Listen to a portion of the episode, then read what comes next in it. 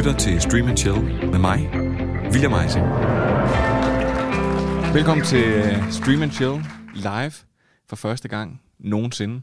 Mit navn det er William Eising, og øh, vi har et vi har et fuldt program med til jer. Der er øh, både lorteserier, der er gode serier, og så er der øh, The Undoing, den skal vi i hvert fald have placeret et sted derimellem. Men jeg synes kun, at det er fair, at jeg siger til jer, at i morges, da jeg stod op, så skulle jeg nok have strøget min skjorte. Øh, men jeg vil også godt have lov til at præsentere mit panel. Og jeg kan jo starte med ham, der sidder først for.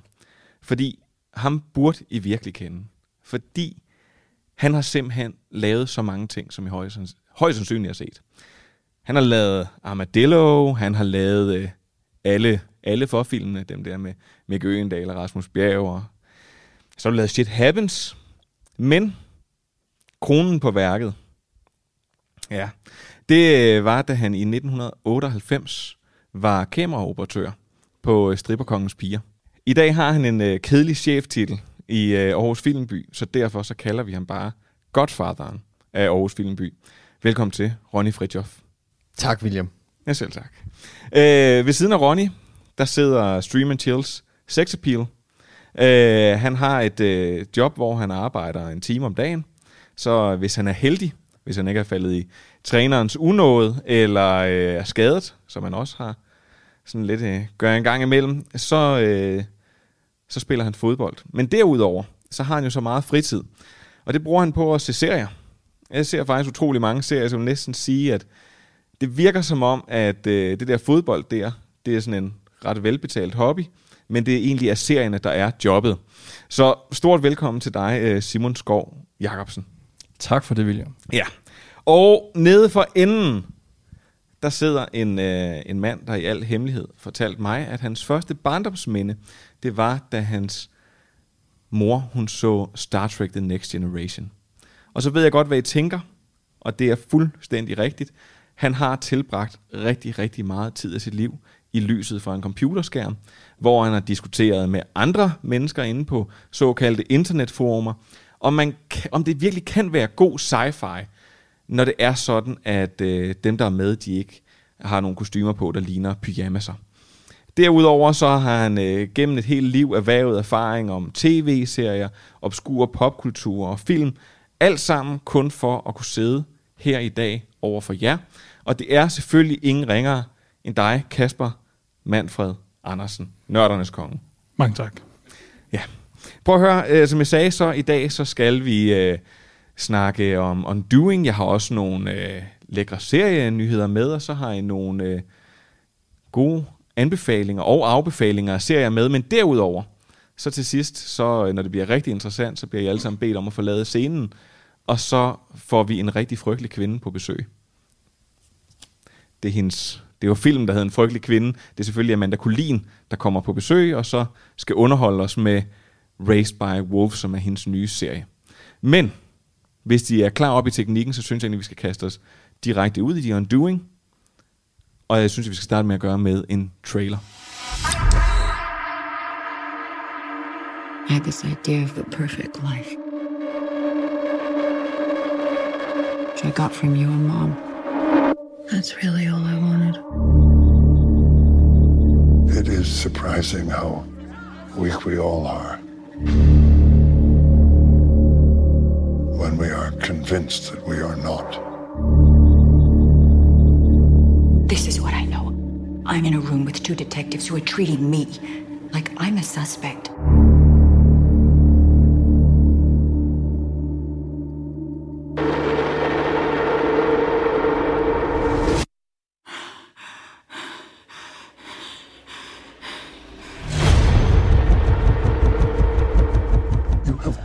Seen things so clearly. How can you not see this now? Did you think that he was capable of committing such mayhem? You need to stay away from my wife. Your daughter is hiding something. Many law abiding, high functioning people have the capacity to snap. You think you can handle everything? This is bigger than you.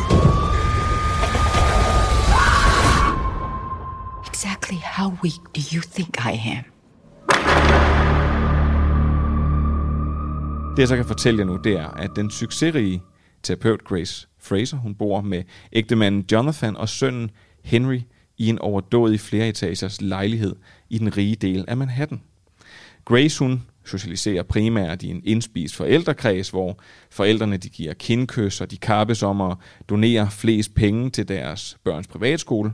Jonathan, han er drømmemanden, han er læge, han kæmper dagligt en kamp mod kraft, og så er han ellers lige så charmerende, som dagen den er lang. Det hele det er bare skide lykkeligt og underskønt. Men lige som man næsten bliver lullet i søvn af det her ideelle liv, og begynder at forestille sig, hvordan resten af serien bliver en lang variation af missionærstillingen, bliver den smukke unge kunstnermor Elena Alves, som kort for inden er begyndt at opsøge Grace, fundet død. Hendes hoved det er smadret ud over gulvet i den gamle barbersalon i Harlem, som hun benytter øh, som et atelier. David E. Kelly han har skrevet serien. Han er manden bag Hauer-serier, blandt andet Big Little Lies og Ali, hvis der var nogen, der så TV2. Øh, Susanne Bier, hun har instrueret alle seks sæsoner, fuldstændig som hun gjorde i The Night Manager. Og så er seriens helt store trækplaster ellers Nicole Kidman, Hugh Grant, som får øh, selskab af Donald Sutherland, Edgar Ramirez, Lily Rabe, Noah Jupe og Sofie Grobbel. The Undoing, den kan ses på HBO Nordic, hvor der hver afsnit kommer, hvor der hver mandag kommer et nyt afsnit. Og det er nu, I skal på banen. For jeg vil egentlig gerne starte med at sige sådan helt umiddelbart, hvad er jeres indtryk af The Undoing? Jamen altså, øh, jeg kan sige så meget som, vi, vi, vi har fået fem afsnit i den her screener-pakke, som vi så skulle vurdere serien ud fra. Der er seks afsnit i alt, ikke seks sæsoner, som du sagde. det er seks sæsoner? Nu. Men jeg vil ønske, der var seks sæsoner, faktisk. øh, og jeg kan også sige, at jeg sidder og venter som et lille barn på det der shit afsnit. Altså, jeg, jeg kan simpelthen ikke... Jeg blev helt desperat og var, var sikker på, at det var en fejl, at, at den ikke sluttede der med det femte afsnit. For hvem fans sender fem afsnit, når der kun er seks? altså, det, det er ikke fair. Og, og den er så fed. Altså, jeg, jeg glæder mig virkelig meget. Og jeg, Normalt ser jeg ikke tv-serier to gange, men øh, nu var min kone ikke med til at se de her afsnit, men nu ser vi dem alle sammen, når de nu kommer på HBO igen, sammen med hende, og så den, den er bare fed. Det, det var noget af en start. øhm, jeg, øh, jeg er med dig et godt stykke af vejen, og jeg synes også, den var, den var rigtig god. Og det første, jeg skrev i vores øh, fælles tråd, da vi havde set de fem afsnit, var også bare, øh, William, jeg skal, du skal have skaffet det der sjette afsnit, fordi altså, det femte afsnit, jeg skal nok lade være med at spoil noget, men den, den slutter på en high, hvor man, ah, man har så lyst til lige at finde ud af, hvad det er, der sker. Øhm, jeg synes også, den, den, den har sine mangler, men, men, men den, den fanger mig på de der, altså den er spændende, der er nogle cliffhangers, man, man hele tiden vil, vil se med på, og det, det er en serie, man bare kan, kan sluge. Altså den, den er rimelig let tilgængelig og spændende på, på mange måder så, så er du heller ikke oversolgt den. nej, nej. altså, jeg havde øh, overhovedet ikke læst noget om det, og hørt noget om da jeg satte mig til at så det første afsnit, øh, og blev ret hurtigt grebet af den. Jeg synes, overordnet set, så er historien måske meget sådan lige til, men øh, castet er bare så godt, og den bliver udført så rigtig godt. Altså, øh, eksekutionen af det er, er fantastisk simpelthen. Men nu har vi jo sagt en masse uden overhovedet at sige noget, så Simon, jeg vil gerne have, at du øh, pinpointer, hvad er, hvad er manglerne? Hvor halter den for dig så? Fordi det her, det er, det, altså, det, er, det er en serie, hvor jeg også selv, jeg var at slukke efter 20 minutter. Mm. Men jeg, jeg, synes, jeg synes bare, der er nogle af, af forholdene, karaktererne imellem, jeg synes, jeg synes, det er et mærkeligt forhold mellem uh, Grace, som er øh, Nicole Kidmans rolle, og hendes far, øh, hvor der er noget i hans øh, fortid, hun aldrig har opfattet, selvom hun selv er øh, parpsykolog. Øh, jeg synes, jeg, havde det, jeg skulle virkelig vende mig til Hugh Grant i den her rolle. Altså, jeg er nok mere til Hugh Grant som den der kajtede fyr, der løber rundt i London og siger whoopsie daisy og sådan lidt. øhm, der vil jeg sige, jeg tænker, at Hugh Grant er genialt castet i den her rolle, altså fordi han er, hvor man tænker, åh, oh, den pæne mand, kunne han finde på sådan noget, og det er det, der er sådan er hele humlen i serien. Også det er, det er også en god pointe. Øh, men, men, jeg, men jeg skulle... Jamen, det er, det er vel meget godt. Altså, det, det betyder jo bare, at, at jeg er faldet for det, kan man sige. Altså, jeg, jeg skulle virkelig vende mig til, til ham. Men øhm, altså, det, det er vel sådan det første, jeg, jeg tænker på. Jeg sad sådan og ventede på, hvornår han sådan smilede på hans Hugh Grant-agtige måde. Det gør han vist kun en enkelt gang på et tidspunkt, men ellers så synes jeg, det er så fantastisk, at Susanne får det ud af ham som skuespiller, som man ikke har set før. Og det er jo der, hvor jeg også synes, hun virkelig viser, hvad det er, hun kan som instruktør. Når hun kan tage sådan øh, lidt et modcast i virkeligheden, fordi at, og så ikke alligevel, men, men hun får noget ud af Hugh Grant, man aldrig har set før, og på en fed måde, synes jeg. Jeg havde, ligesom dig, har slet ikke læst noget, eller hørt noget, eller noget som helst. Jeg så den bare helt fra scratch, og blev fanget i, i, ind i det her univers, som jeg føler er meget sådan New Yorker-univers. Altså, øh, det, det er det mere realistiske portræt af det her upper øh, øh, Ja, sådan miljø i New i- York. i ja. New York. Ja. Og, og det var så kongen af filmbyen, der bare er på fornavn med Susanne Bier. i. Ej, busted, Ronny. Jamen prøv, jeg vil faktisk erklære mig enig i det med Hugh Grant, for jeg synes, jeg sad og ventede på, at nu skulle han lave det der flippity hvor han falder over ordene, og hvor han skal sådan charmere sig ud af den. Jeg synes faktisk, at det var et... Øh, blev lidt træt af ham op igennem sådan nullerne og sådan noget. Der, der havde man set, nu havde man set den rolle omkring tusind gange. Så jeg synes, det er, det er, det er et modigt cast. Jeg kommer også til at tænke på en helt anden ting. Nu siger du, at du synes, der er et lidt skævt forhold mellem Donald Sutherland, som er øh, Graces far, og så ja, Nicole Kidman, som er Grace. Og, øh, og jeg synes faktisk, at, at det der jo er, det er, at man, altså uden det skal blive sådan totalt øh, pseudoterapeutisk, at det er jo nogle gange, man er oftest blind for dem, der er øh, tættest på en. Og han vil jo for alt i verden beskytte øh, hende. Men da jeg ser den, så slår det mig en ting, og det er, at han er 85. Og jeg tænker ikke, han mangler nogen penge overhovedet. Jeg skulle også lige ind og tjekke, om der var en skilsmisse for nylig eller et eller andet. Altså, det er vildt, at han kommer og, til den her serie her, og spiller røven ud af bukserne, kun med motivationen for at spille skuespil. Det er, øh, det synes jeg virkelig er unikt, og jeg synes, at ligesom jeg så i The Night Manager, at øh, Susanne Bier, jeg er nemlig ikke på fornavn med hende, Ronny, øh, hun formår bare at få øh, noget helt, helt unikt ud af, ud af de folk. Og det er et kæmpe arbejde i forhold til, når man ved, at en, altså en, at instruere et afsnit af en serie, ligesom at instruere en film. Hun har så bare lige lavet seks i streg. Ja, ja. Altså det der forhold til faren, jeg tror, det er et levn fra, øh, fra bogen. Titlen er næsten en spoiler, men nu siger jeg den alligevel. Øh, den, titlen på bogen er She Should Have Known. Så det handler meget om, at de her blinde vinkler, man har til mennesker i sit liv, til trods for, at hun har en profession som psykolog. Øh, og der tror jeg så bare, så gør de det lidt med faren, i stedet for nogle af de andre karakterer. Jeg synes, øh, vi er meget let kommet uden omkring de der mangler, der er i serien. For jeg synes faktisk, at den helt klare mangel, det er, at, at den, er, øh, den er rigtig, rigtig god. Og jeg var havde glædet mig rigtig, rigtig meget til at se den, fordi det jo også er en ekstremt hyped serie. Og øh, den er blevet udskudt, fordi de manglede lige de sidste scener, og så var der også noget øh, covid, der desværre lagde en dæmper på. Men da jeg tændte for det første afsnit, så går der altså godt nok lang tid, før jeg er med. Jeg er først rigtig med, da det første afsnit, det slutter. Øh, der ved jeg ikke, hvordan I havde det. Det synes jeg bare er lang tid. Altså. Som jeg sagde, jeg, jeg forventede, jeg, jeg har ikke læst noget op på den, så jeg vidste ikke, om det var drama, eller hvad fanden det var. Øh, man kan godt mærke, der er sådan lidt en trykket stemning, og farverne er sådan lidt udvasket, så det er sikkert et eller andet tragisk, der kommer til at ske. Jeg tænkte måske, barnet vil dø, eller noget utroskab, eller sådan noget. Så jeg var ikke helt forberedt på, i hvilken retning den så, så gik. Øh, og det synes jeg var fedt og overraskende, men ja, man, man er sådan lidt, åh, hvad, hvad er det her hele første afsnit? Hvad går du ud på? Det, det er faktisk lige præcis det, der tror jeg fangede mig fra start, at jeg heller ikke anede, hvad den skulle handle om.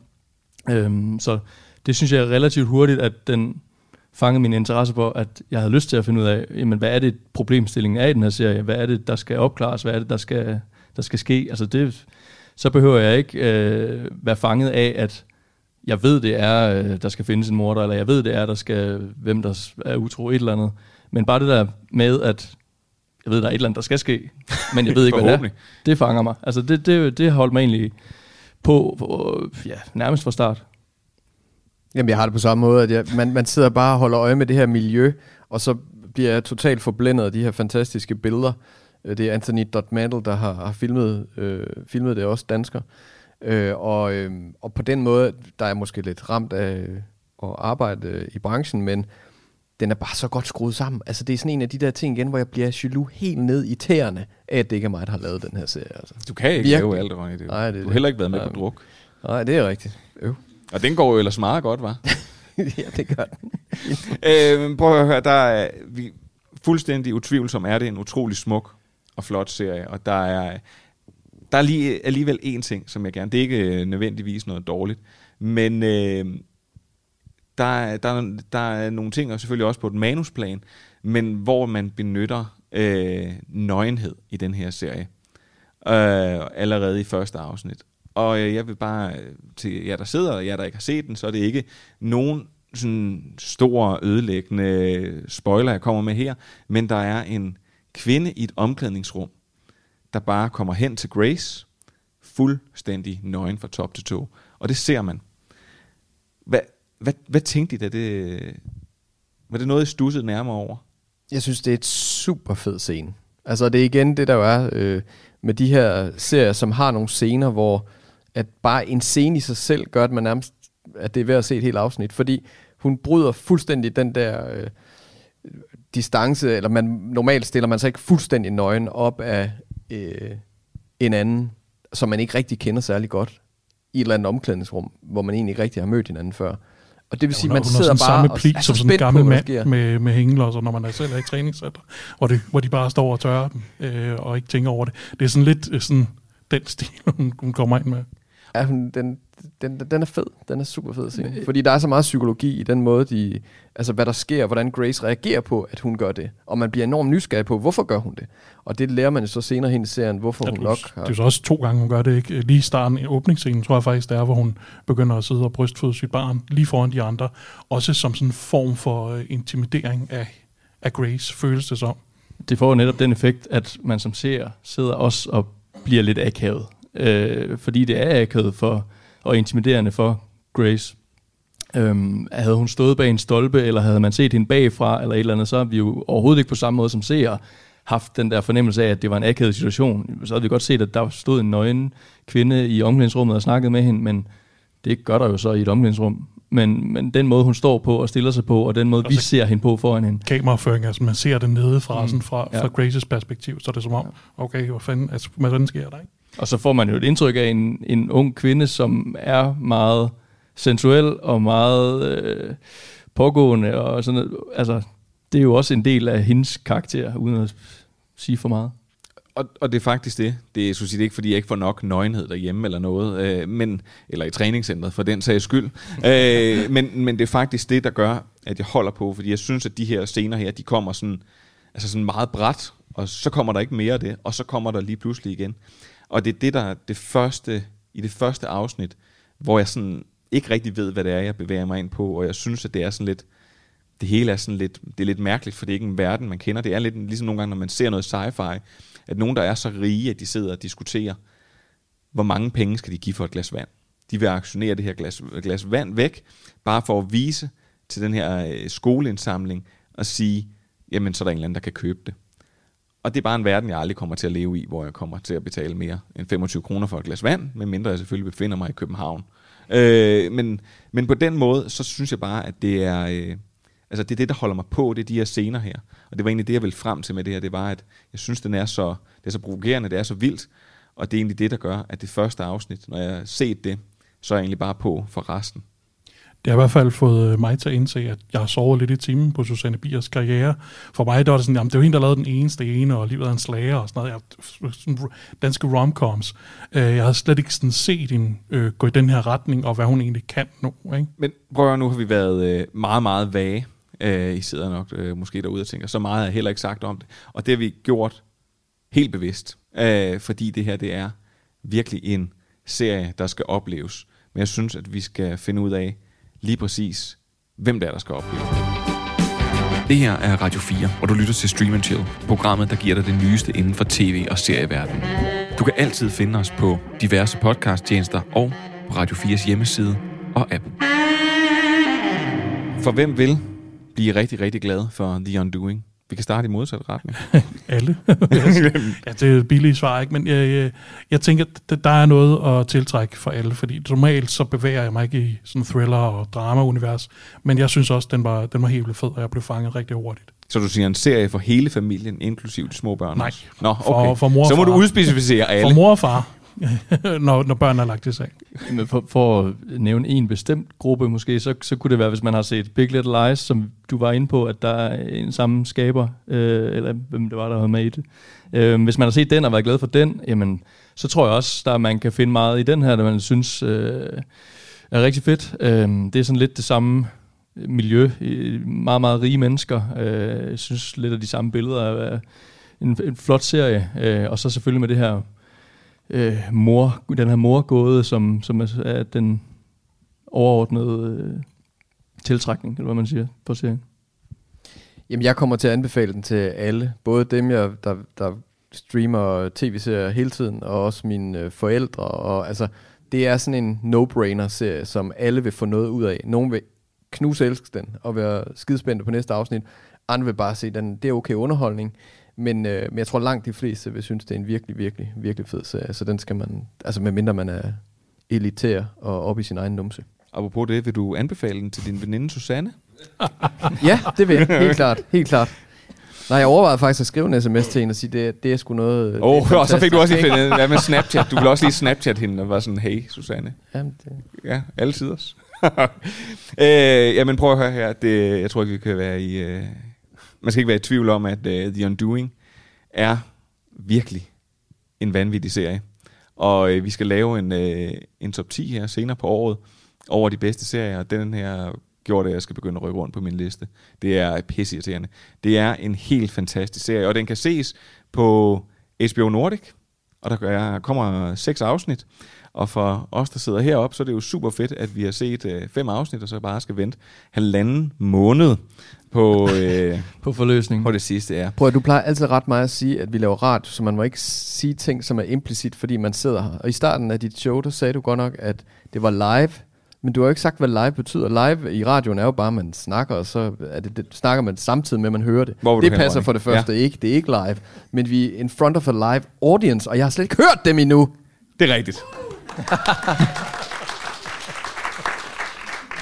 Det er altså det er en gammel showman. Det var en elefant, der lige tog en tur i managen der. Prøv at høre, med det så vil jeg sige, ja, The Undoing kan ses på HBO Nordic, og der kommer et afsnit hver mandag. Ikke seks sæsoner, som jeg sagde før. Og nu så er det tid til nyheder. Yes, I see. Good news, everyone! Jeg skal lige starte med at spørge, om der er nogen James Bond-fans blandt publikum. Der er en, der rækker hånden op der, så må du gerne sige ja. Det er jo et auditivt medie, det her. Jamen prøv at så kan jeg fortælle, at du måske har noget at glæde dig til, fordi både øh, Netflix og Apple TV Plus er lige nu i gang med en budkrig om den øh, nyeste James Bond, øh, No Time to Die, som jo er udskudt øh, til april lige nu. Men de her med øh, to øh, streamingplatforme, de prøver altså at købe den, så de kan vise den eksklusivt. Og så sidder jeg nok derude og tænker, jamen sådan en James Bond-film, hvad kan den koste? Og vise. Så kan jeg fortælle, at jeg ved ikke, om det er fordi, at øh, de rare folk hos MGM, som har rettighederne til filmen, enten er pissefulde eller øh, skængerne sindssyge, men øh, rygterne vil vide, at det skulle ikke koste meget mere end 600 millioner dollars at få lov til at vise den på sin streamingplatform. Så må vi jo se, om det bliver til noget. Nå, derudover så har øh, Disney Plus de besluttet sig for at lave en tv-serie, som ikke kommer til at have superhelte med, og som heller ikke kommer til at have noget med Star Wars at gøre.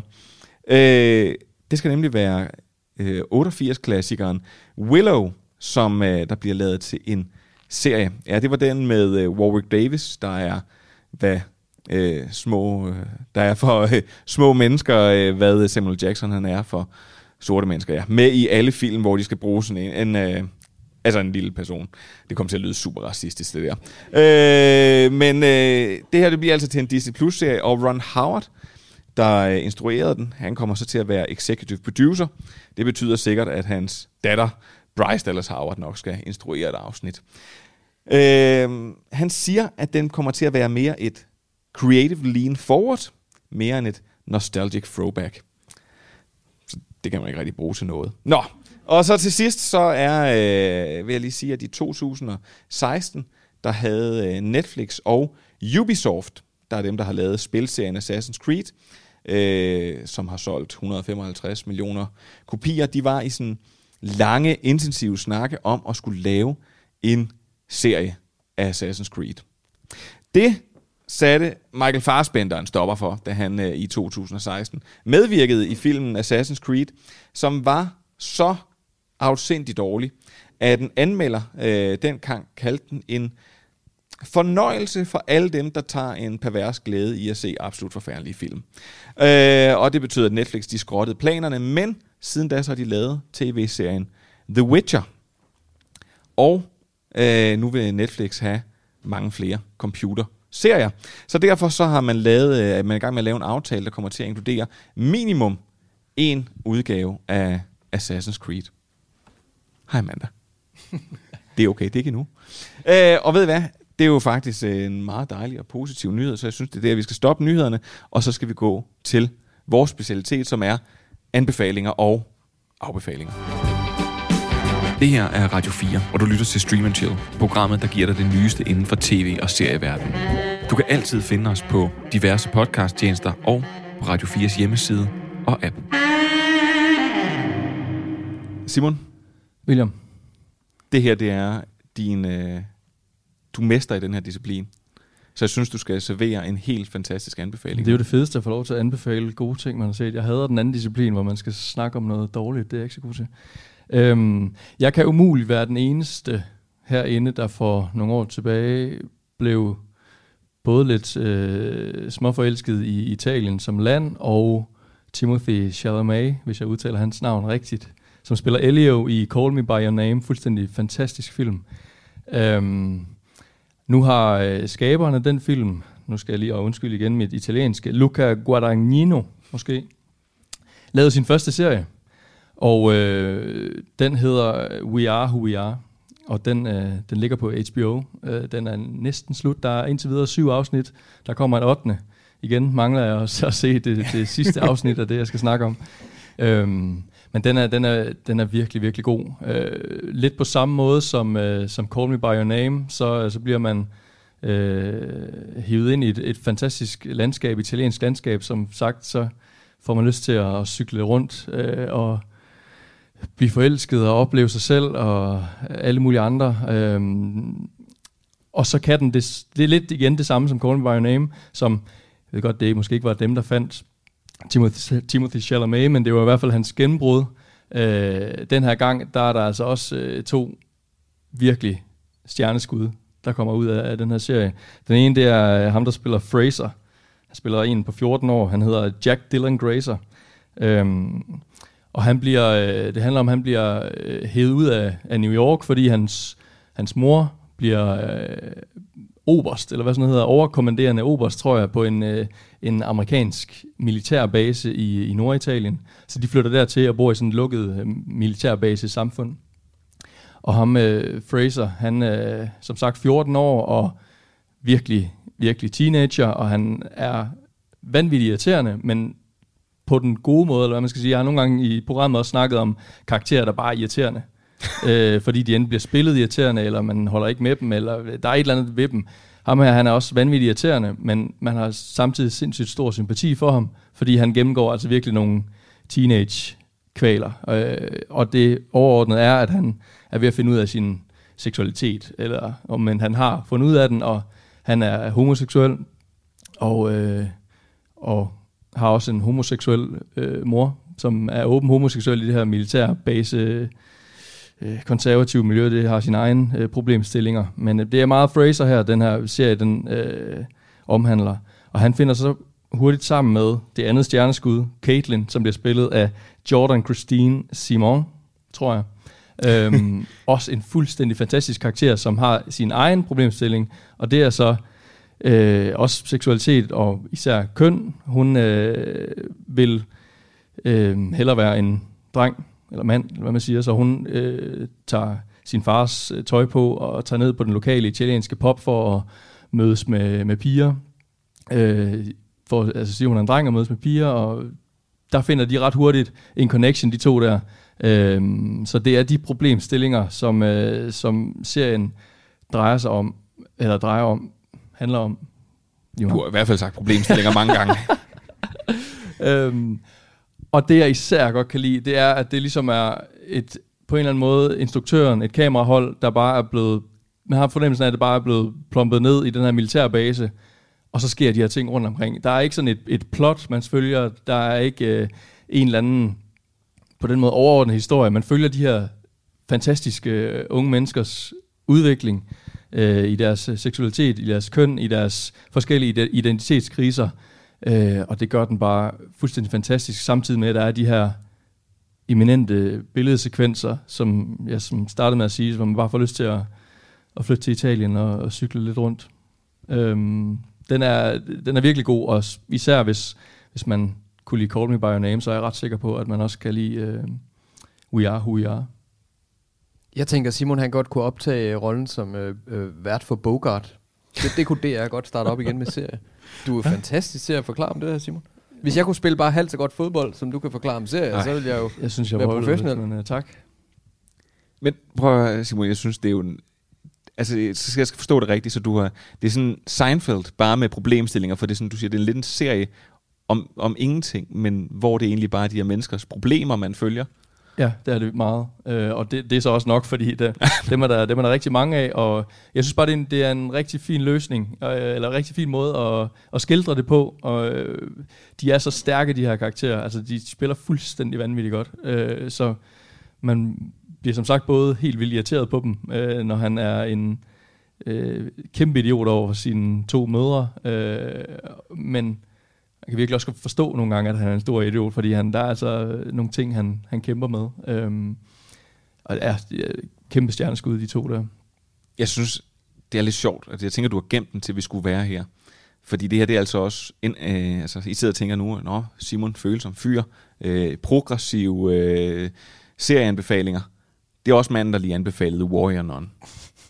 Jeg er meget... Jeg, Du er alsidig. Alsidig i min serie. Men- jeg skal jo se mange serier, så har ja. du sagt. Øh, på HBO, hvad... HBO, ja. Og som sagt, der ligger indtil videre syv afsnit. Hvis jeg husker rigtigt, så er det på tirsdag, det 8. afsnit kommer, som er det sidste i denne omgang. Og jeg fiskede efter navnet. Uh, we are who we are. We are who we are. Altid os. Meget fornemt. Jeg synes, I skal give Simon en hånd. Tak. Øh, Ronny, du har jo også udtrykt et stort ønske om at komme med en anbefaling. Det er en serie, vi har snakket rigtig, rigtig meget om, men det er fordi, du Så synes... derfor sagde jeg egentlig, jeg helst ikke vil anbefale den. Nej, fordi så jeg, jeg den har snakket så meget om den, så jeg nævner den bare helt kort igen. Og det gør jeg også fordi, at nu sidder vi her i Aarhus Series øh, sammenhæng. Øh, og Ja, du har i hvert fald dit kort på. Ja, det, er der ikke nogen jeg af os andre, ja, der det er synes, det, det var en det god det. idé. Øhm, nej, men øh, Normal People, som jo øh, findes kun i en sæson desværre lige nu. Øh, og den er også nomineret som bedste øh, tv-serie, udenlandske tv-serie her på den her festival. Og- Og, og den er fantastisk. Fordi, det, jamen, det er fordi, at det er det skuespil, du ser der, og den portrættering af et øh, kærlighedsforhold mellem to unge mennesker, det er så livagtigt, og du glemmer fuldstændig, du ser en serie, du er bare inde i et forhold, og du har på det ene tidspunkt lyst til at være den ene og den anden og den tredje, altså og, og identificere dig med alle de problemstillinger fra du selv var ung og oplevede kærlighed for første gang. Og Fra du selv Det er boede magisk. i Irland og var ung og blev forelsket i en litteraturstuderende, ja. Ja. Det har du talt meget om på programmet. Nej, men en god serie gør nemlig det, at du, du har en masse scener, hvor du sådan, øh, selvom du ikke øh, bor i Irland, eller selvom du ikke er litteratur, så, så kan du fuldstændig genkende de følelser og, øh, og problemstillinger. Så den, den er virkelig, virkelig god. Og DR øh, på DR's. Altså ud, af, ud af de 50 afsnit, som vi laver. Det her det er jo faktisk afsnit nummer 50, men så tror jeg, vi har snakket om den i altså 25 procent af dem. Eller sådan. Den bliver nævnt alt, alt for meget, og det, jeg tror, den skal på forbudt-listen, ligesom uh, Det The det. Wire. Jamen, klart, men det, og jeg, sagde, Øh, jeg advarede dig, William. Jeg sagde, jeg har tre små piger, det ved du. Jeg når ikke at se så mange serier, ud over dem, du kommanderer, jeg skal se. Så, Det er øh, også relativt mange. Men, så, men så, den, når, så gentager vi det. Ja. Man skal se. Normal People. Okay, øh, så øh, lad Normal People og We Are Who We Are for HBO Nordic. Jo, Normal People kan man se på DR.dk.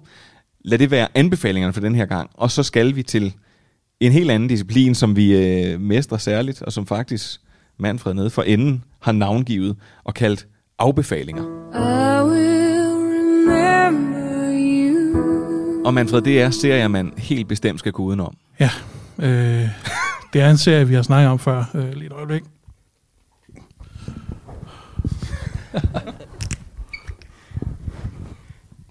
Manfred, han tager nu lige en lille dram. Ja. Det er... Star Trek Picard. øhm, Alex Kurtzman Abort er en serie, øhm, hvor han skider ud over øh, Star Trek-franchisen øh, på en helt vild façon. Altså, vi har snakket om tidligere i vores øh, Star Trek Special-afsnit, men jeg vil godt gå tilbage til den igen, fordi øh, der er lige kommet en ny ud, hvor Alex Kurtzman, som er ham, der har blevet tovholder for alt Star Trek-franchise i øjeblikket, han truer med, at han har øh, Star Trek-serier klar til 2027. øh, så derfor så blussede hadet til mig op igen, selvom jeg havde egentlig øh, lagt alt nyt Star Trek fra mig. Det er ikke for mig, det er begravet, det er ikke til mig, men han, han, øh, han, får det, han, han, han bliver ved med at vælte lorte-serier ud til, til den her franchise. Altså, er jeg så respektløs over for det hele. Den bedste serie lige nu af de nye, fire nye serier, der er, det er den animerede komedieserie. Manfred, øh, så må du lige forklare mig, fordi det var jo så et dilemma, vi rendte ind i, at jeg er jo kommet relativt sent til Star Trek, og vi, jeg lovede dig, at hvis øh, du sagde, hvis, øh, hvis jeg skal være med i det her program her, ikke det her, men sådan programmet generelt, så skal vi på et tidspunkt lave noget om Star Trek. Og så begyndte jeg så at se Star Trek The Next Generation, som jeg så ikke vidste på det tidspunkt, jeg havde forpligtet mig til 177 timers tv. Øh, derudover så kom der nogle film, og så kom der så også nogle andre serier. Og så så jeg så Picard. Og så glæder jeg mig rigtig meget til, at vi skal snakke om det, og jeg har umiddelbart kun brugt den 200 timer eller sådan noget på at forberede mig til det her. Og så siger jeg, Picard er en virkelig fed serie. Og det synes jeg jo stadigvæk, den er. Så hvad er Ja, det, men- hvad, hvad er det, jeg misforstår? Er det, fordi, de ikke, er det fordi, de ikke har nattøj på? Nej, jeg tror, det problemet ligger hos dig. øh, og hvordan, tak. hvordan dit forhold til sci-fi er. Øh, det skal siges, William han synes jo, de nye Star Wars film, de tre nye, at det er geniale film. Øh, Jeg så vil sige, er generelt set er han inhabil til at vurdere science fiction. Øh, og jeg tror, det er meget der problemet ligger, at øh, han har en helt anden opfattelse af, et meget overfladisk opfattelse af, hvad sci-fi går ud på. Men du har så heller ikke fået Star Trek og Picard, altså den originale karakter, ikke ham her, som også hedder Picard, men som i hvert fald ikke er den samme karakter. Øh, ham har du ikke fået ind med modermækken, ligesom mig. Nej, det skal jeg da lige love for. Igen, så vil jeg minde publikum om, at det første barndomsmænd, Manfred har, er, og hans mor ser Star Trek The Next Generation på tysk tv. Ja, Ja. tysk eftersynkronisering. Perfekt. Okay, så det... Øh, jeg, vil, jeg, kan, jeg kan jo ikke sige noget imod. Jeg synes, det er helt fair, at du synes, at den er, øh, den er altså, frygtelig. Og jeg har jo ikke noget som... Generelt, altså helt objektivt set, så er det også en dårlig serie. Den er pacet elendigt.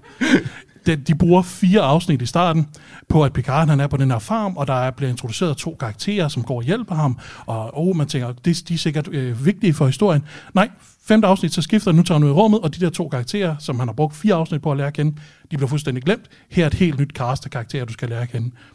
Okay, hvorfor? Hvad, hvad, hvad, hvad var pointen med de fire karakterer, med de to karakterer i starten så? Hvad skulle vi bruge de fire afsnit til?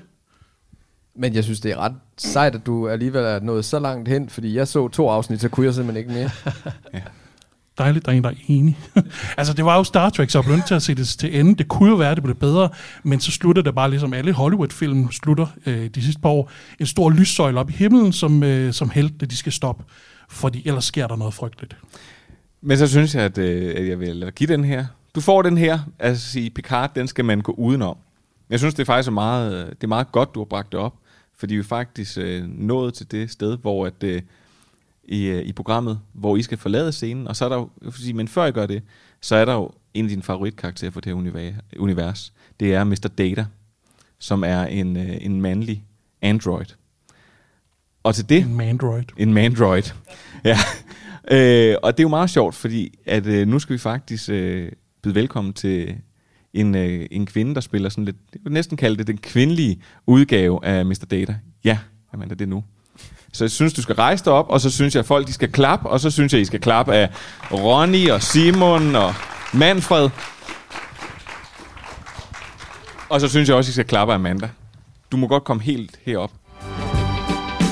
Det her er Radio 4, og du lytter til Stream and Chill, programmet, der giver dig det nyeste inden for tv- og serieverdenen. Du kan altid finde os på diverse podcasttjenester og på Radio 4's hjemmeside og app. Hej. Hej Amanda. Velkommen til. Tak. Øhm, Jeg ved da næsten ikke, om jeg tør at sidde og snakke sci-fi med sådan en inhabil sci-fi mand som dig. det var virkelig en dårlig intro. ja, det var det virkelig. Øh, prøv at høre, hvis der nu skulle nogen, sidde nogen ude i salen, der ikke kender det, som uha, jeg har læst meget op på dig, og det er nærmest alle steder, så bliver du omtalt som enten Dan- Danmarks funklende, nye, lysende skuespilstalent, Nå. eller Danmarks største skuespilstalent. Hold da op.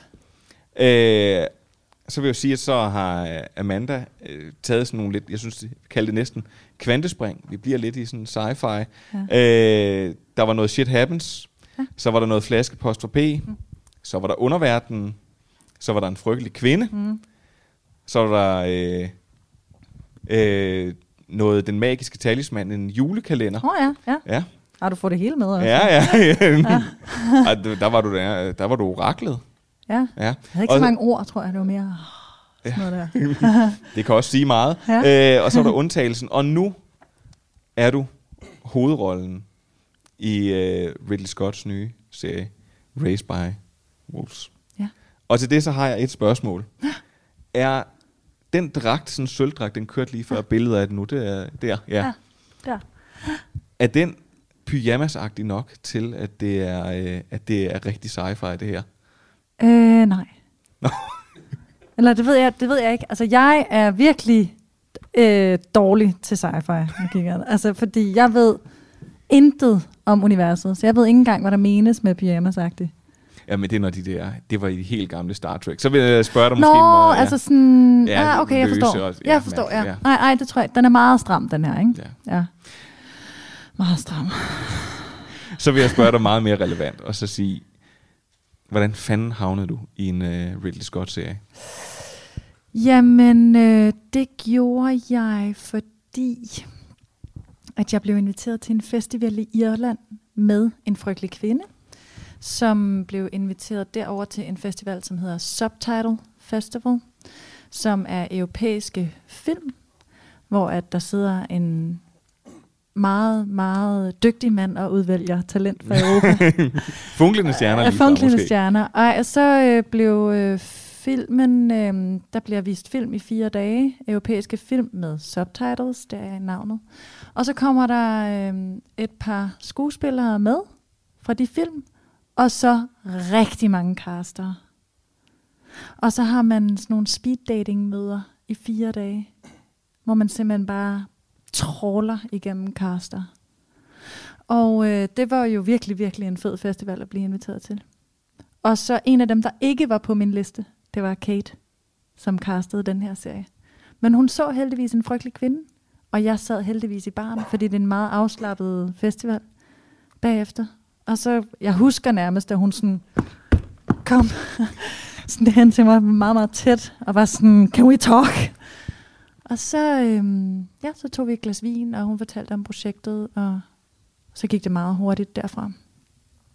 Nu siger du, altså var det, så, så ventede Ridley Scott op på et værelse? Eller? Nej, ej, så... Åh, oh, hvor nej, nej, nej, okay, der lyder meget for... Ej, det Wow. er virkelig... Take it to another level. Lad os sige det på en anden Nej, det foregår på en lidt anden måde. Altså, øh, det der sker, det er, at man øh, får et manus. Nå. Ja, øh, jeg fik et manus. Øhm, når hun, vi mødtes på en bar, hun fortæller om projektet, det er vildt, og man sidder bare og siger, hmm, ja, okay, ja, fedt, nå, okay, spændende, spændende, hold da kæft. Og mens, altså, jeg tror, man går så meget i panik, så man bare sådan, hvem, er, hvem fanden er Ridley Scott? Altså, jeg bliver nødt til at google manden. Altså, du ved, sådan, man er sådan, når jeg er glat i hjertet, men hvad? Altså, altså, du ved, man bliver sådan der, ikke? Så det var det første, jeg gjorde, da hun var gået, tror jeg, og bare var sådan, åh oh, nej, oh, nej, nej, nej. Og så øh, sagde hun, kan du kaste det i morgen? Og så siger han, det kan, altså, jeg ved godt, at man på sådan en her festival skal bukke og nej og gøre alt, hvad I siger, men det kan jeg simpelthen ikke. Altså, jeg må kaste i næste uge eller et eller andet. Og så var hun sådan, det, det her, det var lørdag. Så var hun sådan, det kan jeg ikke. Altså, hvis jeg skal have noget, så skal jeg have det seneste mandag. Og så sagde jeg, okay, men så lad os gøre det i morgen. Og så øh, bundede jeg et glas vin og lærte replikkerne.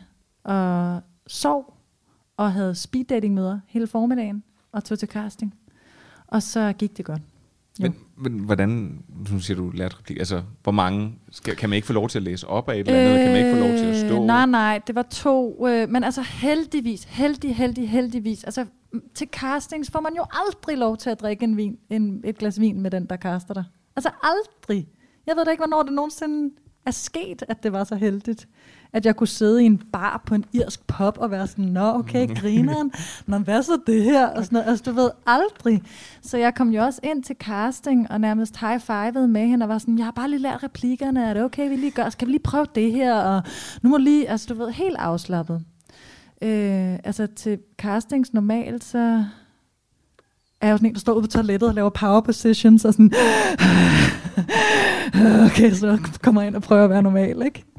Det gjorde jeg ikke her. Så det var, Der var du normal? Der var jeg, der var okay. jeg faktisk normal. Det var, det var faktisk, rigtig øh, heldigt. Men, men, og så derfra, så øh, de forelsker sig bare i dig og siger, det skal være dig, eller hvad? Ja. Det er jo nemt. Ja, er det ikke Hvorfor har du ikke gjort det noget før? jeg tror, der er nogle, nogle gange, så står måne og sol jo rigtigt i forhold til nogle, øh, nogle ting. Og øh, øh, nogle gange, så kan man mærke det. Altså, jeg havde faktisk samme fornemmelse til flaskepost fra P-castingen. Øh, det var den allerførste spillefilm, jeg lavede i den, altså nogensinde. Øh, jeg havde kun lavet sådan noget kortfilm i for en cola-agtig. Og så får man en, en ret stor birolle i en film med Nikolaj og Fares, som var, altså jeg var bare sådan, jeg vil bare lave en film med Nikolaj Likos, det er mit største, det er mit største ønske i verden. Slut. Så, og så vil jeg gerne Nå, dø. check. Og så var det sådan, okay, men så lav den. Hvor det også noget med, at du blev castet fra en salatbar, dengang du skulle være med i Shit Happens.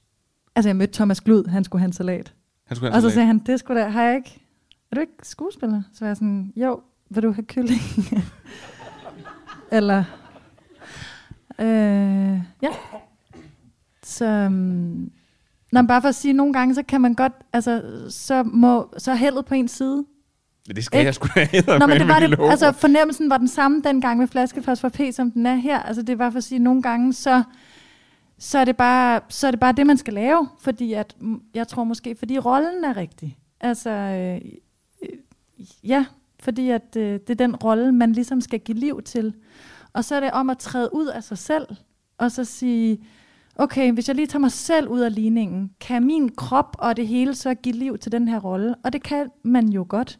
Altså, jeg havde det også helt weird, da jeg skulle spille Frøken Julie på det kongelige teater. Altså, jeg var sådan, det, det må jeg slet ikke. Altså, jeg har ikke lavet teater nok til at få den her rolle nu. Men lige der passede det rigtig godt, at jeg lige skulle spille hende, tror jeg. Altså, så det øh, har jeg, sådan kigger jeg lidt på det. Jeg vil jo sige, du er, du er relativt cool, når du sådan sidder her, og du er øh, Nå, okay, sådan meget tak. afslappet. Og jeg tænker, er man lige så afslappet, når man så øh, begynder, øh, altså med al respekt for Nikolaj Likos og alle de andre, når man sådan træder ind på sådan en kæmpe stor produktion den første dag, som Raised by Wolf? Øhm, ja. ja, altså man prøver, altså jeg vil sige,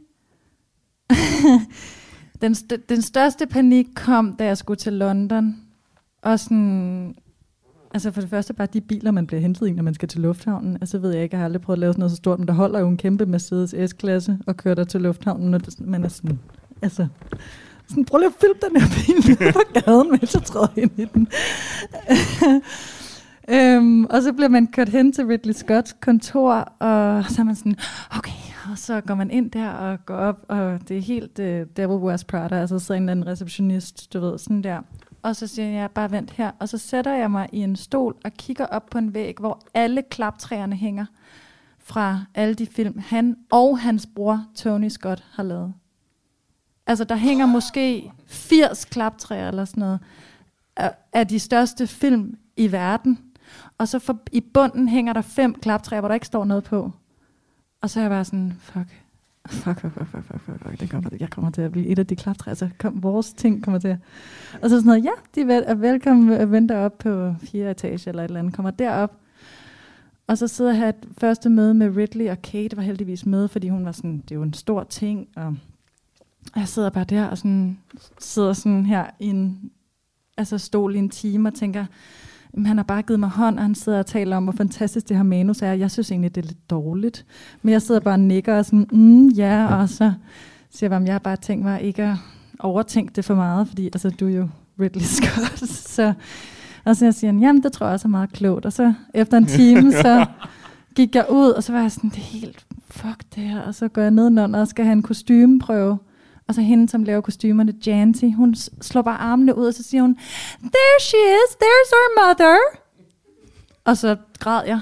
Derfra græd jeg i 48 timer. Du kan selv spørge Anne, hun sidder der. Jeg ringede på vej i bilen, på vej, jeg skulle ud og tage sådan nogle billeder. En kropsscan, fordi at det er jo sci-fi.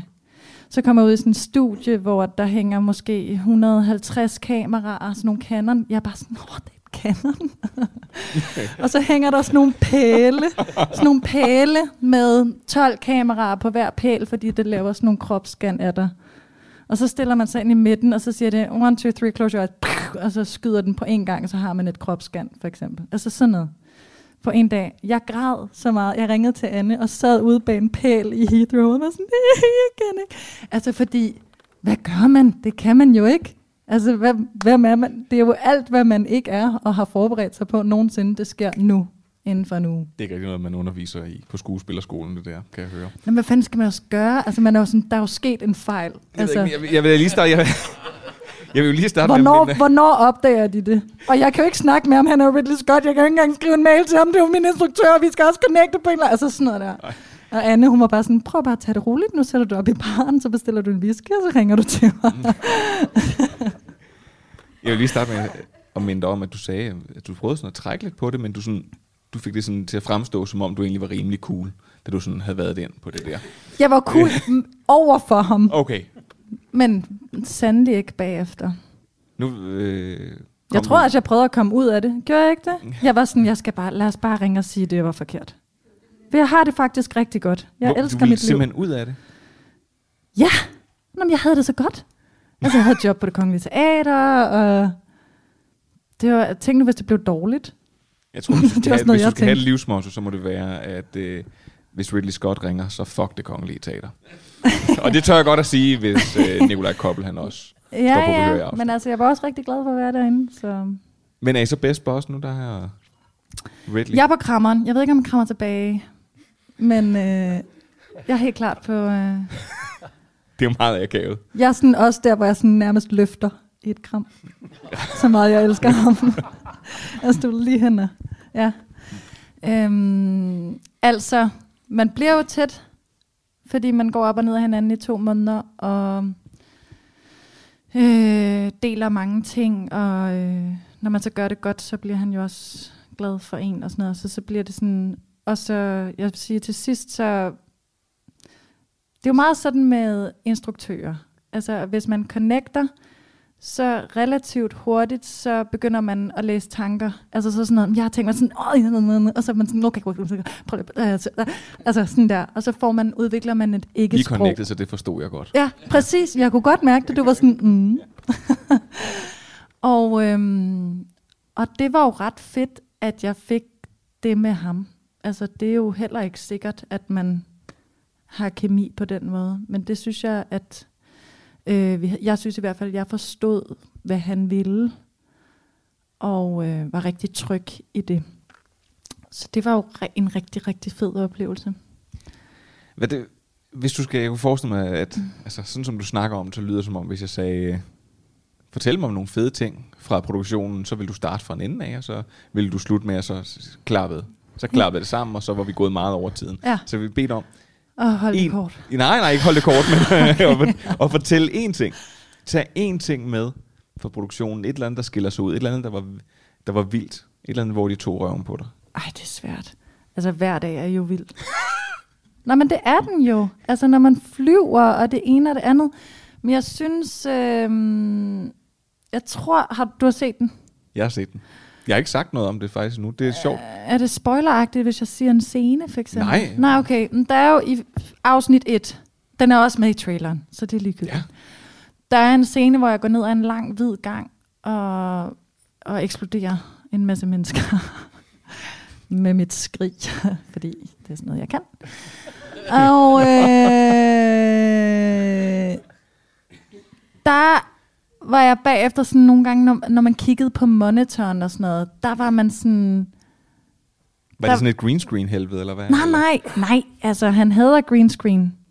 Så det er jo det er jo en kæmpe, kæmpe hal, og så er den bygget virkelig smukt op, og der er nogen, der skal hive de der døre fra hinanden hver gang. Altså, det er jo bare lavet af pap, det meste, ikke? Og Øh, og så står man der, jeg tror det fede ved at arbejde med nogen, der er så store, det er sådan, når han siger, jamen prøv så at bevæge dig på en eller anden underlig måde. Altså, prøv, kan du ikke lige lave et skrig, når du starter, som er sådan lidt off? Og så er man bare sådan, alt i en stivner, fordi der står så mange mennesker rundt omkring dig, og du står op på et podie og skal lave et skrig, der er lidt off. Og man er sådan, åh, altså man vil så lidt, ikke? Men så fordi det er sådan en setting, så gør man det jo. Altså, så ellers må man jo gå hjem, hvis man står Ja, det der og bliver bange. Altså, så er der en anden en, så kommer der en anden en, der tager dit job. Så, og det synes jeg er virkelig fedt. Altså det der med, at man bare sådan, man bliver hele tiden presset. Og så øh, gå ned ad den der gang, og så, det var virkelig en fed scene, og så øh, lige der sådan, og folk eksploderer, og man går ned, og det er så fedt der, og sådan noget. Og så kommer man ned i det der blod, og så, øh, så var det pisse glat. ikke? Det var virkelig, var virkelig, der var virkelig ligge nogle fraklip, som er Det er lidt synd, de ikke har taget den med i Ja. Altså, hvor ville Jamen, have været... Mother, øh, hun kunne jo også godt glide, ja. altså. Men så, du Ja. ved, så går aktionen i gang, og til sidst var Ridley sådan, jeg har nogle modder ude bag min bil, og sådan noget, for alle synes, det var så grineren. Det man andet, folk løber og tørre op, og sådan noget. Altså, jeg elsker sådan, så går sådan Hollywood-maskinen i gang, fordi så er det bare, Så havde han modder ude bag sin bil. Nå, men altså, og, hvad, og ting under min dragt, og det ved det ene med det andet, og jeg gled stadig om igen, og pisser lort, ikke? Fordi at, altså, ja, det var en sjov dag. Og når man kiggede på monitoren bagefter, så tænkte jeg, hold det kæft, det, det bliver ret fedt, det her. Det, bliver, jeg må, Det er en fed scene også. Jeg må være helt ærlig sige, nu har jeg jo øh, set serien. Det, øh, det blev sgu meget godt. Ja. Ja, så er jeg ikke, øh, så er jeg ikke undersolgt det. Nej, nej. Øh, jeg det, det, blev, det blev sgu virkelig godt. Ja. Øh, Fedt. Men jeg vil faktisk øh, tage lige, lige sådan en hurtig sidespring øh, og sige, jeg hørte noget om det rumskib, der er med. Det, det både læste jeg, og så hørte jeg det faktisk også. At der er noget lidt særligt med det rumskib. Det der er Ridley Scott blevet inspireret af noget mærkeligt. Som han viskede lidt til dig. Jeg ved ikke, om han viskede det til mig. Viskede Hvad han ikke til dig? Når han altså, sagde det til hans, hans øh, barbermaskine, eller hvad? Ja, lige præcis. Ja. Det var det. Det var den, jeg prøvede at komme Ja, meget ja. elegant frem til. Nej, nej, det er han helt åben omkring. Ja. Så altså, han tegner, man kommer ind i et rum, og så går man på scene 1, bum, sådan der, og siger okay, det der kommer til at ske den her scene, det er sådan her, og så går han i gang med at tegne. Så ligger der en kæmpe stak papir, og en stor, flot sådan børnehaveklasse skål med tusser, og så tegner han bare. Og så kommer rumskabet her, prrr, og så hopper du ud sådan her, prrr, mens du siger til far, da, da, da, og så er der nyt papir, sådan der, brrr. og så siger han, er det grineren? It's just my razor. Siger han så bare. altså, sometimes it's easy like that. Altså, men han er meget, øh, ja, han er meget øh, opfordrende til at følge sit instinkt, og at det bare skal være sjovt. Så var det sjovt. Var det sjovt at lave det Altså, her? lyder det ikke, som om jeg har haft det ret Det sjovt? lyder, som om du har haft det Jeg virkelig, helt under armene, fordi jeg synes, det var så sjovt at bare tale om. Og der kommer en anden sæson, Ja, og der er du også med. da, da, da. Ja, Uh. det er jeg. okay. øh, og øh, hvis man har, øh, hvis man er UC-kunden i Danmark, så kan Ja. man få lov til at se den. Det virker Og som om, der er ingen mennesker, der er UC. Nej. øh, det er fordi, jeg vil... Sådan er det i hvert fald. Det er så øh, ret synd for UC. Jamen, jeg kan lige give dig noget, sådan, lige noget fakta. Okay. Mens du har været over at lave Race by Wolves, så sker der det, at uh, Flow TV, det dør. Ja. Og øh, så er det kun streamingtjenester nu, og så derfor, når man lægger t- ting på for eksempel sådan noget som UC streamingtjeneste, så af en eller anden grund, så, så er der ikke rigtig nogen, der kan tilgå det, fordi man skal have Flow TV. Til gengæld, Jeg forstår. og det er det rigtig, rigtig gode, det er den gode nyhed, det er, mm. at den 16. december, Ja. der kommer det på HBO Nordic. Ja. Og det synes jeg, at der er rigtig... Yes, visker du. Det er meget ulækkert, Ronny. Det synes jeg, at... Øh, det synes jeg, man skal glæde sig rigtig meget til. Ja. Fordi det er... Jeg vil godt have lov til at, at meget ydmygt at kalde det dit internationale gennembrud. Det, hvis det her ikke er mit internationale gennembrud, så ved jeg godt nok ikke, hvad man skal gøre. Nej, det ved Altså- jeg. Du skal jo ikke kigge på mig. Jamen, det er jo ikke mig, der- der nu går. bliver jeg vred. Nej, men, øh, men jeg vil egentlig godt høre, så... Hvad, hvad så nu? Hvor går vi herfra? Hvad skal der ske? Jamen, det ved Hvordan, jeg hvordan kan det blive større? Kigger over på Anne. Ej, jeg ved det ikke. Øhm, altså, igen er det vel noget med, hele tiden prøver jeg at huske mig selv på, hvad er det, jeg laver? Jeg fortæller historier. Og jeg fortæller um, historier, fordi jeg elsker at se historier, lige så meget som jeg elsker også at få lov til at drømme mig ind i et italiensk, øh, en italiensk sommer og høre kassettebånd og, øh, og at få lov til at give det til nogen, synes jeg er totalt fantastisk. Altså hvis man kan give den, det ene moment af sådan forelskelse eller forløsning, hvor man kommer til at sidde og græde helt alene i biografen. Altså, wow, det føler jeg mig virkelig heldig over. Øh, så derfor prøver jeg også at huske mig selv på, at der er nogen, igen ligesom den her, der er nogle roller, som jeg er god til at fortælle, og så er der nogle roller, som andre er bedre til at fortælle. Så forhåbentlig så dumper der en rolle ned, som jeg skal være med til at fortælle igen på et eller andet tidspunkt. Men jeg ved ikke, hvornår den kommer, eller hvordan den ser ud. Jeg troede faktisk, du ville spørge mig modsat, hvem den udlandske sådan Nikolaj Likå skulle være, som du godt skulle arbejde sammen med. Leo. Leo. Er det rigtigt? Nå, der var du meget hurtig. Ja, det var, du var altså, lidt for hurtig der, faktisk. Nå, men altså, jeg drømmer jeg sådan, men mit næste projekt kunne da godt være med Leonardo DiCaprio og Meryl Streep. Altså, det vil da ikke... Hvor han spillede min mand, og hun spillede min mor. Ja. Og sådan, Mom, go away, we need to make out. Altså hvis, øh, altså, hvis man skal lytte til ryg... altså, ja, jeg synes, men... hvis man skal lytte til rygterne omkring Leonardo DiCaprio, så er du vist lidt statuen. De plejer skulle være lidt 21-22. Nå, er det rigtigt? Ja, det er desværre. Men han er jo også blevet gammel, er han ikke det? Jo. Ah. Ja. Så må du nøjes med noget Ben Affleck eller noget med Damon eller sådan noget. Har du nogle store... Det jeg prøver at kredse det der. Har du nogle store filmprojekter eller et eller andet, der ligger? Nej, altså lige nu, der tager jeg afsted til december og for at lave en sæson 2. Og hvor lang tid tager det? Det tager et halvt år. Hold kæft, det er også meget arbejde. Ja, altså så jeg virkelig øh, håber på corona og alt sådan noget der ikke øh, fucker tingene op, ikke? Men alle er jo ret nervøse lige nu. Så, men som alting ser ud, så er, det, så er det det, vi skal, og det glæder jeg mig virkelig til.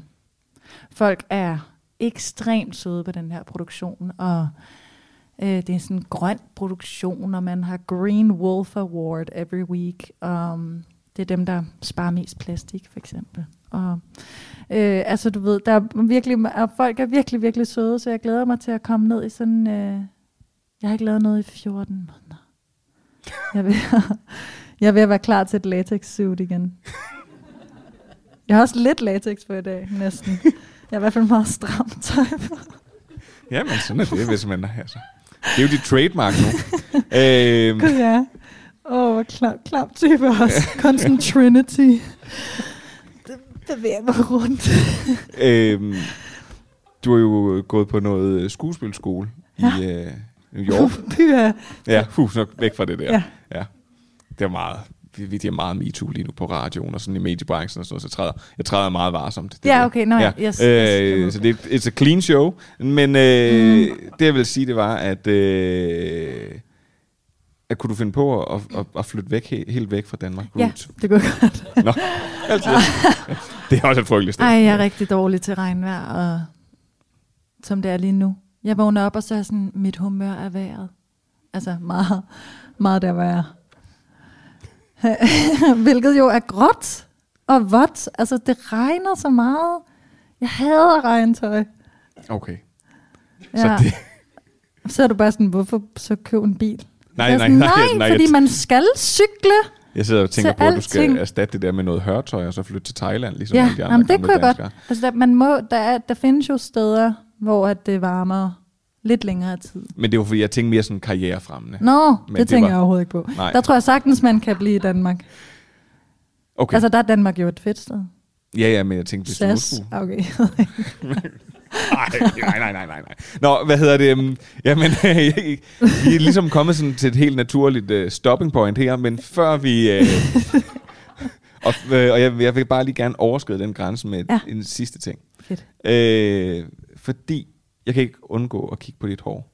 Ja. Og så tænkte jeg... Øh, er det, Sonic. Var det, hvad, nej, nå, jeg siger Sonic. Super ja. Sonic. Ja, det var ja. super fedt. Sonic. Hvor godt var det tv-show lige. Øh, nej, jeg tænker mere...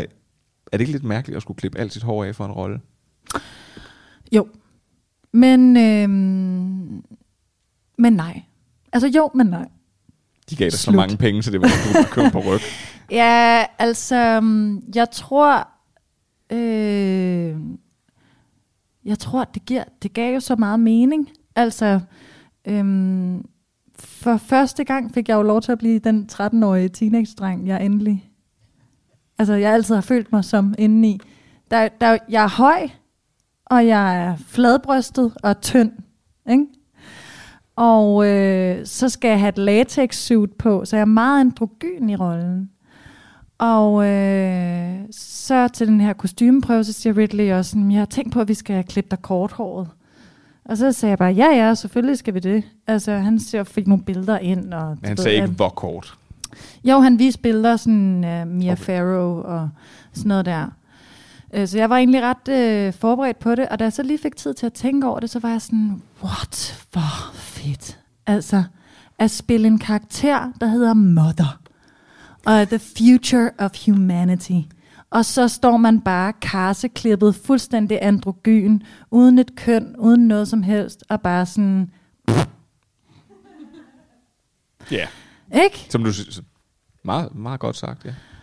Øh, så jeg så det som en kæmpe mulighed, altså at blive, ja, få lov til det. Det voksede ud igen. Blot, åbenbart. det vidste jeg ikke til gengæld. Og det er jo mærkeligt, men øh, sådan er det. Nej, øh, det var meget befriende at slippe for mit hår. Jeg føler, jeg er blevet mere kvindelig af det. Det kan jeg ikke kommentere på. Som jeg lige sagde, så er vi i meget, meget strenge tider lige nu. Ja, Meget bakke. men jeg har altid gerne vil være en mand, og nu vil jeg gerne være en kvinde. Det er meget sjovt. Du har mulighederne for dig i hvert fald, kan jeg sige til det. Og så vil jeg sige til alle jer, der sidder herude, jeg synes, I skal give Amanda en kæmpe hånd. Tusind tak, fordi du vil være med. Men tak, fordi jeg måtte. Ja, Tak, tak, fordi selv jeg tak. Og jeg vil sige uh, tusind, tusind tak uh, ja, til, uh, fordi I gad at komme. Det havde været så træls at lave det her foran en tom sal. Og så vil jeg egentlig bare give de sidste ord til Jean-Luc Picard. You know, back when I was in the academy, we would follow every toast with a song.